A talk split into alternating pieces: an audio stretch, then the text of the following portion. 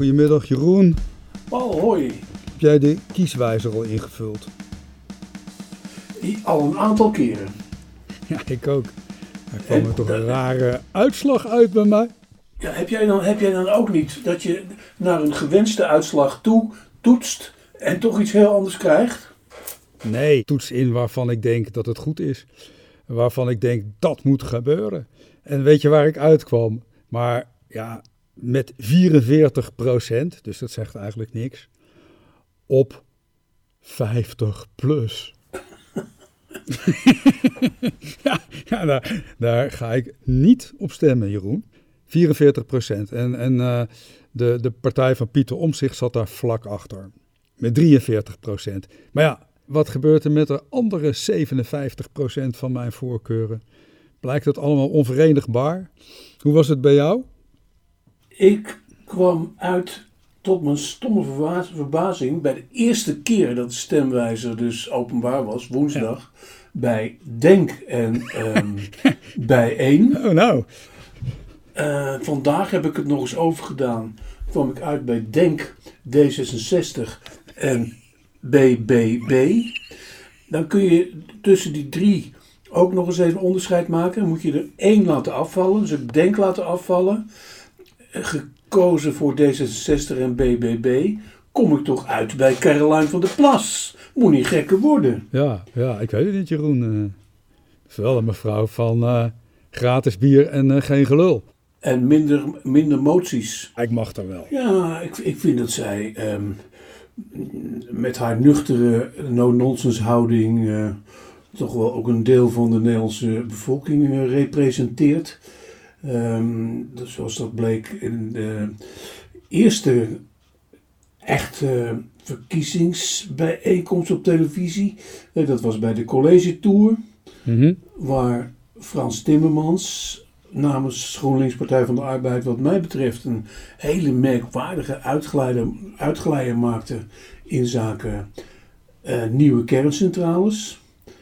Hij vertelde nota bene, heb je dat meegekregen? Ja, ik heb het eh, debat gekeken. Hij maakte wel meer uitglijers. Maar Eh, ik vond het ook heel raar dat hij eh, niet wist hoeveel procent rente studenten over hun leningen moesten gaan betalen. nee, moet je nagaan. Je komt notabene in een gezelschap van alleen maar studenten. Ja. Nou ja, en hij had nog geen studie gelezen, terwijl hij niet tegen kernenergie was, geen studie gelezen die ehm, positief uitwees voor nieuwe kerncentrales. Nou, zei mevrouw Jessel Gus, kun je vanavond van me krijgen. Daarna, Ja, hoorde, misschien was hij zijn leesbril kwijt of zo. ja, daarna hoorde ik ook een radio-uitzending die dit ook allemaal ehm, eh, redelijk onderuit haalde. Eh, Het was een uitspraak, denk ik, ten gunste van de GroenLinkse stemmers. Maar eh, mij kon die niks wijsmaken. Want ik volg dit al zo lang, nog vanuit mijn beroepspraktijk.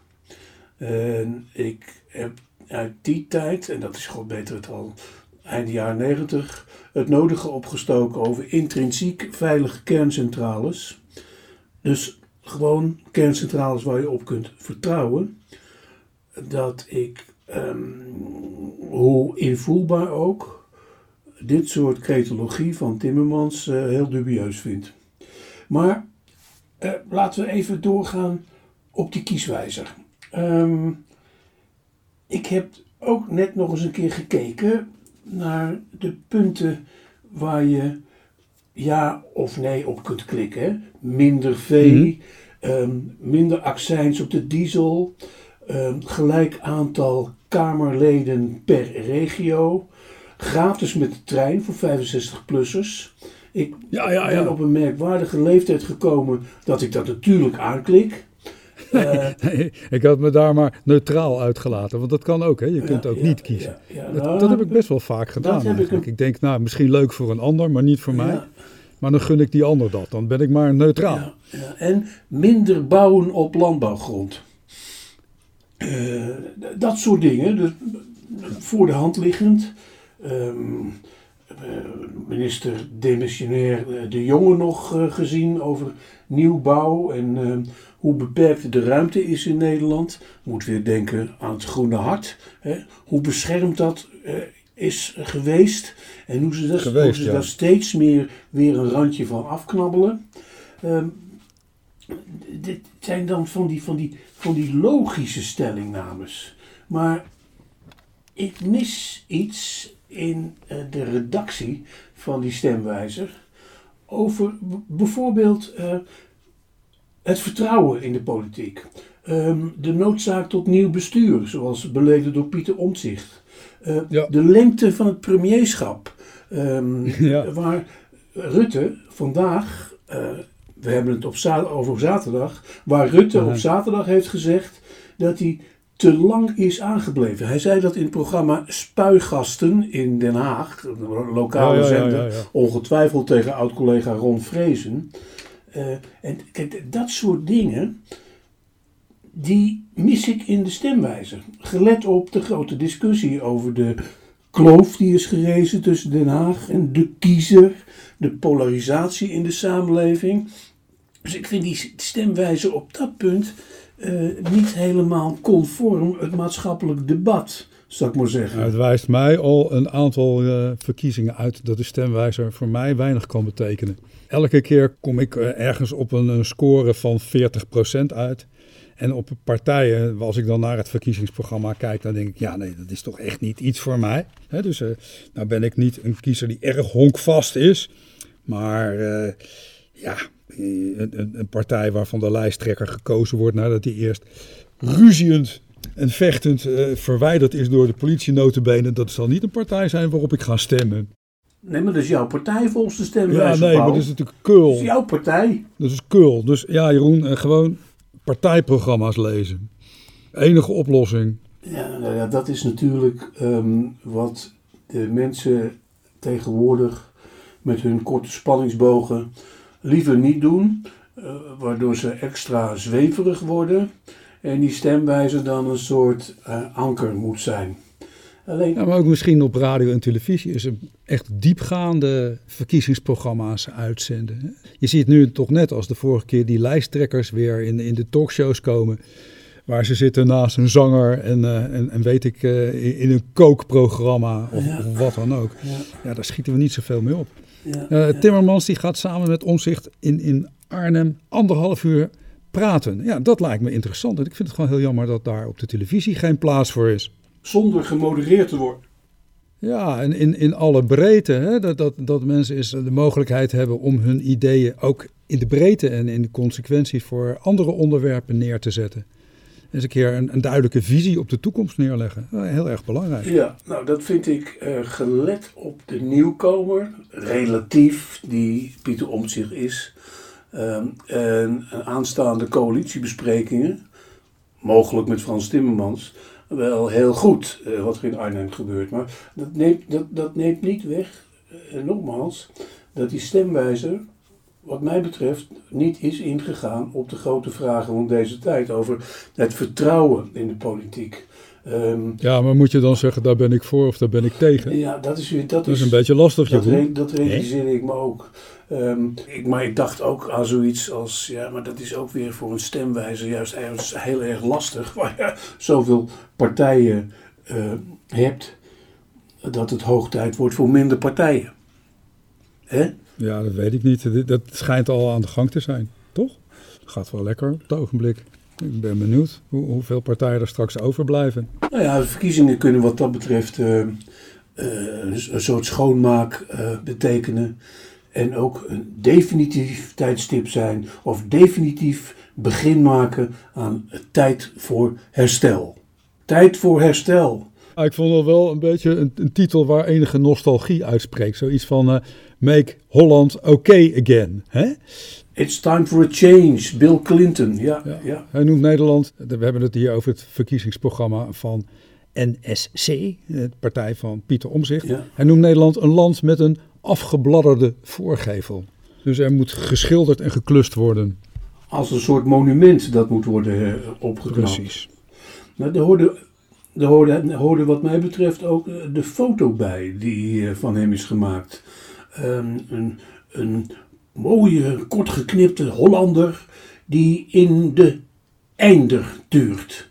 Eh, het heeft wat dat betreft, is een beetje flauw om op uiterlijk af te gaan, maar ook de uitstraling van een ouderwetse keurige man uit de jaren 50. Ja, dat is, heel goed, heel goed, heel goed. Dat is beter dan al die scheldende Kamerleden. Vind je niet? Wat mij trouwens opgevallen was in eh college tour, Ja, dat hij eh, niet wilde ingaan op die vraag van wilt u premier worden? nee. Hij zei geen ja, hij zei geen nee. Dan heeft hij later ergens in een ander programma gezegd dat hij dat wel wilde. En onmiddellijk daalde hij in de pols. Dus mensen zien hem meer als de man die hij is.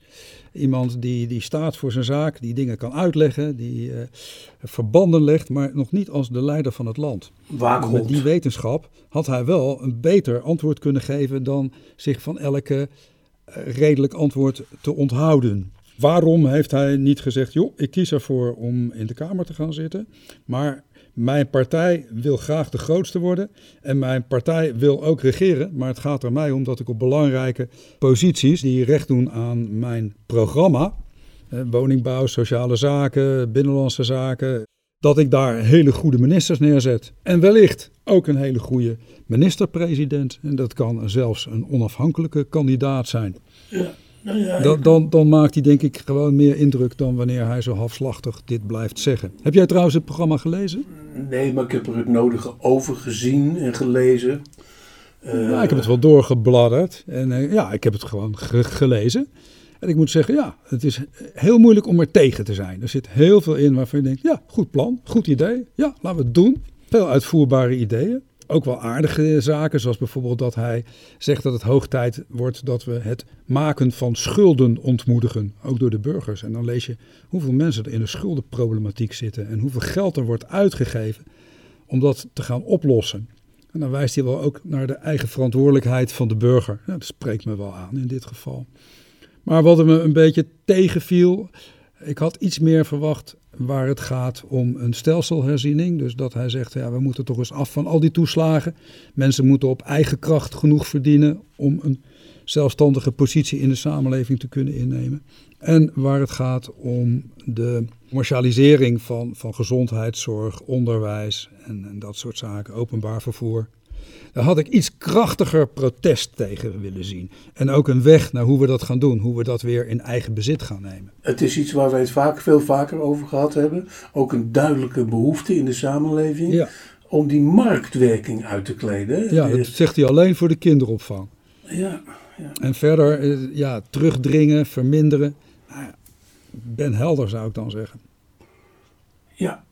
Daar Nou had ik ja, iets meer van verwacht. Ja, ja. Nou, het is inmiddels ook wel duidelijk, eh, ook gelet op de tv-uitzending met de schrijver van eh, Tijd voor Herstel, ook een oude CDA, dat, dat dit een, voor een deel toch een oud CDA is in een nieuw jasje. Dat vind ik er zo opvallend aan. Ja, het is natuurlijk een CDA. Die, die, Ja, dat blijft hij. Dat kan ook niet anders. Dat was zijn plek, dat was zijn thuis. Daar heeft hij altijd op gestemd. Daar heeft hij altijd achter gestaan. Hij is door de partij aan de kant geschoven en hij is zijn eigen weg gegaan.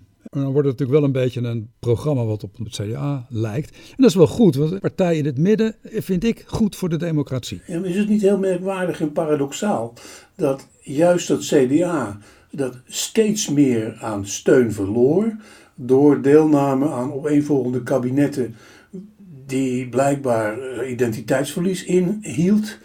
Het CDA nu via een soort U-bocht van Pieter Omtzigt nu weer terugkeert.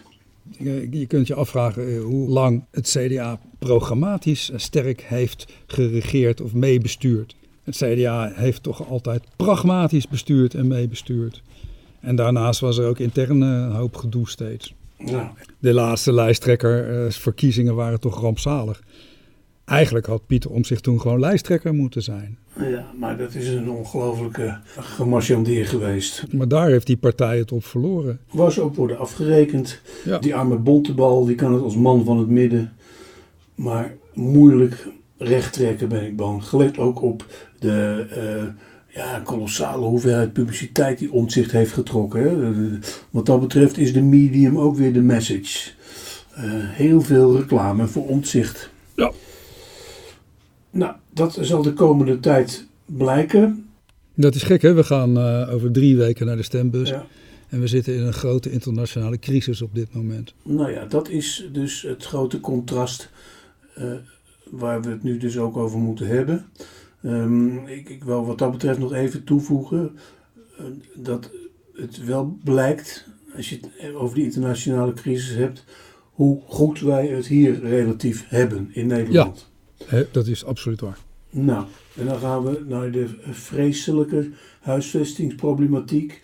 De hoeveelheden doden, slachtoffers in Gaza, die um, delen van de wereld noodzaken, dwingen tot een keuze voor um, wapenstilstand, humanitaire pauze of humanitaire pauzes. He, er moet een S bij in de politieke gremia. Uh, Europa twijfelt daarover. Um, er was vanochtend een stemming in de Verenigde Naties. Ja. En daar heeft Nederland zich van stemming onthouden. Waarom? Waarom leggen ze uit? Omdat uh, Nederland vond dat in eenzelfde resolutie zou moeten worden opgenomen dat Israël één het recht heeft zichzelf te verdedigen en twee de gijzelaars uh, terug moeten. De gijzelaars die Hamas heeft genomen moeten worden vrijgelaten. En op die gronden hebben ze niet gekozen om die resolutie te steunen. Amerika was trouwens helemaal tegen. Maar landen als Ierland, België en Frankrijk hebben voorgestemd. Nou, er was een overgrote meerderheid voor uh, deze ja. propositie. Ja. En uh, dat vind ik in ehm, deze dagen dat iedereen het heeft over het verschil tussen schrille propaganda en fake news tegenover de werkelijkheid toch wel een frappante realiteit. Namelijk dat heel veel mensen, burgers, in wat voor landen ook, toenemende zorg hebben en betrokkenheid bij het lijden van de Palestijnse bevolking. En wat dat betreft meer voor oplopen of uh, meer urgentie laten blijken dan menig bestuurder, menig politiek leider, toch? Dat weet ik niet we vergeten wel waarom deze oorlog dan is begonnen. Hè? Er is natuurlijk een, enorme terreur aan vooraf gegaan. Ja. En die terreur die had natuurlijk ook een bedoeling. Ja. Die, die, er is niet voor niks uh, niet een inval gedaan of, of raketten afgevuurd. Nee. Er is een terreuraanslag gepleegd. Die 1400 Joodse mensen in Israël, nee niet alleen Joodse mensen, gewoon Israëlische burgers, het leven heeft gekost. En daarnaast zijn er 250 mensen gegijzeld. En dan denk ik dat je dan eerst eens moet afvragen, ja, waarom gebeurt zo'n terreuraanslag? Wat zijn daar de doelstellingen van? Wat is daar de positie van Hamas in? En, en wat is de positie van Israël? Heeft het land het recht om zich tegen dergelijke daden te verdedigen? Ja, dat denk ik ook. Er wordt nu steeds gepraat over context en, en historie. En dat, dat vind ik een lastige zaak. Zo'n historie is natuurlijk heel erg lang. En daar zitten heel veel feiten in. Er is sprake van een honderdjarig proces. En al die feiten die, die moet je ergens een plekje geven. En uiteindelijk gaat het natuurlijk om dat er uh, een vrede moet komen die duurzaam is. En die voor zowel de mensen uh, uit Palestina die zich geen plek uh, kunnen verwerven in de staat Israël. En voor de Joodse mensen uit de staat Israël een, een veiligheid komt. Een, een mogelijkheid om, komt om samen te leven.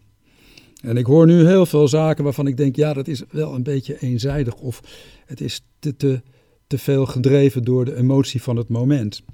Die steun voor de Palestijnen is natuurlijk ook iets waar het Hamas om was te doen. En daarin zou nog wel eens een rol kunnen hebben gespeeld dat Israël uh, op het punt stond om een vrede te tekenen uh, met Saoedi-Arabië. Nou, we weten uh, op een eerder moment is er vrede gekomen met Egypte in 79, in 86 met Jordanië en dan zou nu Saoedi-Arabië zich daarbij aantekenen. Dat betekent dat landen die oorspronkelijk voor die Palestijnse zaak stonden, eigenlijk uit dat conflict worden gehaald. Ja, en dat kan voor uh, hardliners zoals de Hamas natuurlijk een, een raar gevoel geven. En die willen dus nu een soort zelfbewustzijn intern kweken de publieke opinie internationaal uh, beïnvloeden en ook de druk op Arabische landen opvoeren om weer partij te kiezen voor die Palestijnse staat. Ja, daar moeten we ons ook niet in vergissen dat dat een, een, belangrijke drijfveer is. En dat je daar wel tegenover zult moeten zetten dat je ook niet zomaar 6 miljoen mensen uit Israël in de steek kunt laten. Ik vind het een hele lastige, een hele nare zaak. En dan denk je maar, jij zei dat net zo terecht, wat wonen we toch weer in een mooi land. Konden we in Israël maar een multiculturele samenleving vestigen zoals de onze, waar iedere persoon recht heeft op een, eh, een bescherming door de rechtsstaat. Nou, wat er op die westelijke Jordaanhoever gebeurt, is natuurlijk ook niet goed te praten. Dat is verschrikkelijk. Nou ja, multicultureel of tolerant. Ehm, er zijn periodes geweest, vrij langdurig, waarin gebleken is dat ze het wel konden. Op die paar reizen die ik in die richting heb gemaakt, heb ik het ook zelf aanschouwd. Ja, er zijn altijd goede mensen geweest die dat hebben gewild. En die terreur, die heeft elke keer zo'n proces verstoord. Je had eerst wat had je, het bevrijdingsfront voor Palestina. El Fatah. PLO, eh, Hamas. Ja. Hamas is natuurlijk de ergste in zijn soort. Ook gelet op het handvest waar we het de vorige keer over gehad hebben. Puur gericht op uh, escalatie en vernietiging. En niet in constructie en vrede. Um, toch zijn er mensen, zoals uh, de Palestijnse minister van Buitenlandse Zaken, die deze week in Den Haag was, uh, die menen dat deze crisis juist weer een kans zou kunnen zijn. Um, dat uit uh, deze ellende ook weer een tijd voor herstel, om het daar eens even op te variëren, zou kunnen beginnen. Um, ik zeg er gelijk bij dat ik vind ook gelet op uh, wat ik ook in Nederland meemaak en meekrijg over voor- en tegens. Dat wij um, hier vrij makkelijk en luxueus praten hebben. En ja, dat ben ik dus met je eens. Het is heel lastig. Ik vind het een heel lastig. Het geheel niet kunnen beoordelen hoe erg het daar werkelijk is. We krijgen alleen maar gefragmenteerde berichten over het tekortschieten of volledig opraken van brandstof voor ziekenhuizen in Gaza en Gazastad. En dat couveuses uh, spoedig niet meer zullen werken. Ja, ziekenhuizen en kinderleed, dat is natuurlijk altijd in, in de propaganda. Maar het is daar erg, Jeroen. Ja. Het is daar verschrikkelijk. Ik kies. Het is daar gewoon angst. Dat kan niet ja, anders. Het is verschrikkelijk. Natuurlijk, zijn ze in Israël ook bang. Uh, kom, ja, het is zeker. drie weken na 7 oktober. Ehm, de schok is er wat dat betreft bij ons als wereldnieuws natuurlijk wel af. We hebben het weer alweer over Frans Timmermans en Pieter Omtzigt. Uh, in alle betrokkenheid daar bij Palestijnse en Joodse slachtoffers. Maar je zult maar in Israël wonen. Dan heb je de schrik nog steeds hevig in je, in je genen zitten. In je, hele lijf. Wat mij vooral heel erg bezighoudt, is dat er geen internationale orde meer bestaat. Dat er geen, geen ingrijpen meer mogelijk is. Dat is uh, iets wat me ontzettend uh, frustreert eigenlijk. We zijn opgegroeid in de 70 jaren, na de Tweede Wereldoorlog, na de verschrikkingen uit die tijd. Dat je toch hoopt dat er een, een, een wereldorde komt waarin dit soort verschrikkelijke conflicten, wat we ook zien in Oekraïne, niet meer mogen bestaan. Waarin love, peace en happiness voor goed zijn gegarandeerd. Nou ja, toch dat je streeft naar een samenleving waarin mensenrechten een rol spelen. En dat het gewoon dus niet mogelijk blijkt. En dat terreur daar een rol in speelt. Niet mogelijk blijkt. Dus eigenlijk sinds 9-11 is dat zo. Ja, nou ja, 9-11 heeft Amerika een enorme kans gegeven om uh, te gaan uh, rotzooien definitief in Irak. Onder, onder grote fout geweest. Bush Jr. Daar heeft Amerika grote fouten gemaakt. Nu proberen ze, uh, zoals dat zo mooi heet, proportioneel um, de boel te klaren met die twee indrukwekkende vliegkampschepen en um, aanvallen in Syrië, waar Amerikaanse militairen zijn aangevallen. Allemaal link, link, link. Ja, nou, ze willen Iran uit die oorlog houden. En ze willen ervoor zorgen dat niet En ik denk dat dat zeker ook heeft meegespeeld bij Hamas, dat er een groot pan-Arabisch conflict uh, ontstaat. Dan kunnen de Amerikanen misschien met militaire macht nog iets betekenen. Beetje politie spelen en ondertussen... Dat, uh, dat leidt niet tot duurzame oplossingen. Ondertussen kijken Rusland en China van verre toe hoe Europa dit oplost. En het is, ja, het is, het is ook daarom, uh, gelet op verwijt van hypocrisie, wat Europa op zijn schouders laat, na al die steun voor Oekraïne. Hoe bedoel je dat? Vindt Europa meer zwak en verdeeld? Ja, nou ja, in plaats dat er sprake is van hypocrisie. Laten we, laten we zeggen dat Europa ook hier uh, veel meer kracht moet tonen. En hoe? Uh, dat gebeurt dus niet. Als je kijkt nu naar het conflict in Oekraïne, dan toont Europa helemaal geen kracht. Als straks de Verenigde Staten, eh, als daar een Trump-achtige of een Trump zelf wordt gekozen als president, ja, dan, dan zal die militaire steun voor Oekraïne wellicht helemaal vervallen. En waar staat Europa dan? Met onze nog niet eens 2% aan defensie. Eh, en, en, de verdeeldheid, waarbij Orbán gezellig naar China gaat en zich de hand laat drukken door Poetin. Dat is, dat is toch geen, geen, geen uh, Europa die enigszins kracht uitstraalt en laat staan gezag. Nee, nou ja, in ieder geval over proporties gesproken um, blijkt dan nu hiërarchisch of uh, niet, niet over ranglijsten gesproken, maar nu blijkt ook wel uh, hoe groot Europa in de wereld is. Niet dus, of uh, minder groot dan het zou moeten zijn. En uh, dat is op, op, sommige punten beschamend. Maar aan de andere kant denk ik wel aan al die moedige artsen en chirurgen, ook Europeanen, die hier allemaal lak en maling aan hebben.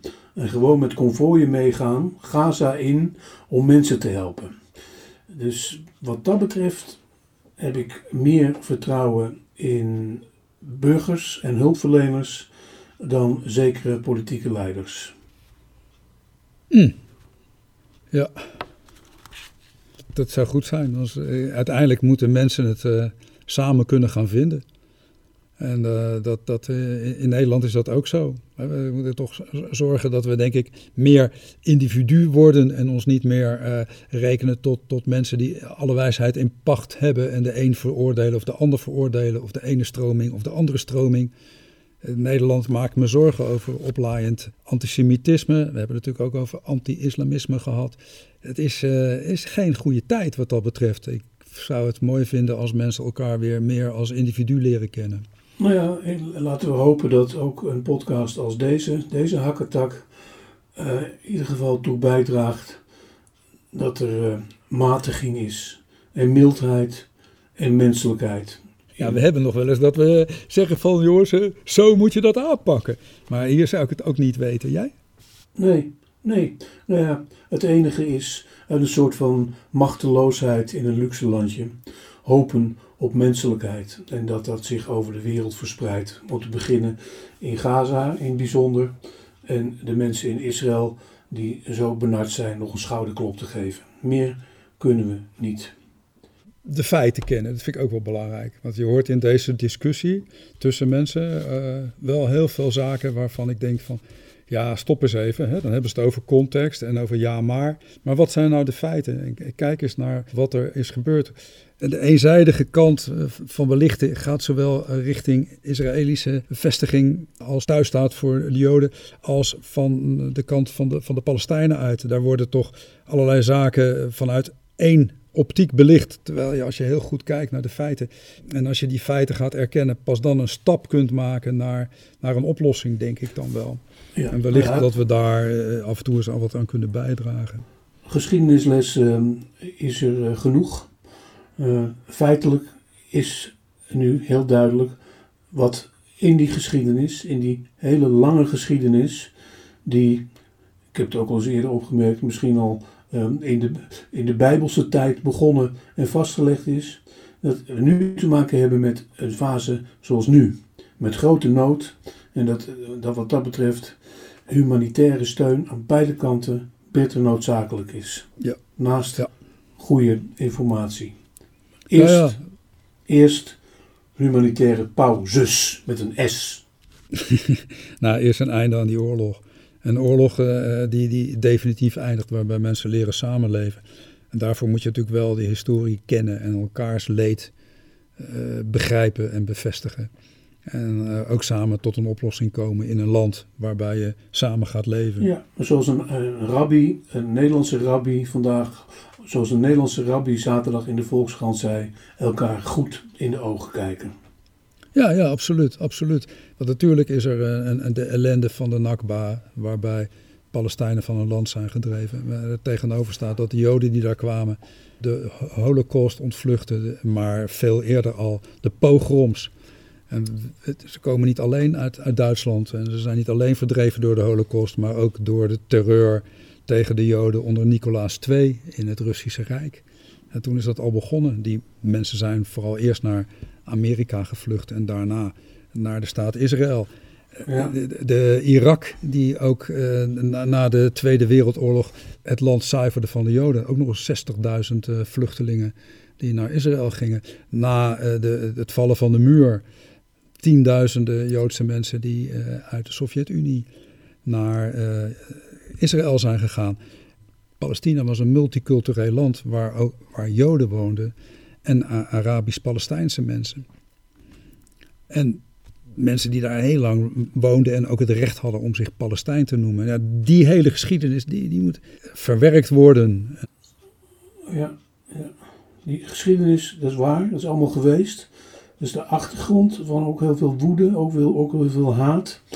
Maar het is nu kans grijpen. Uit Europa.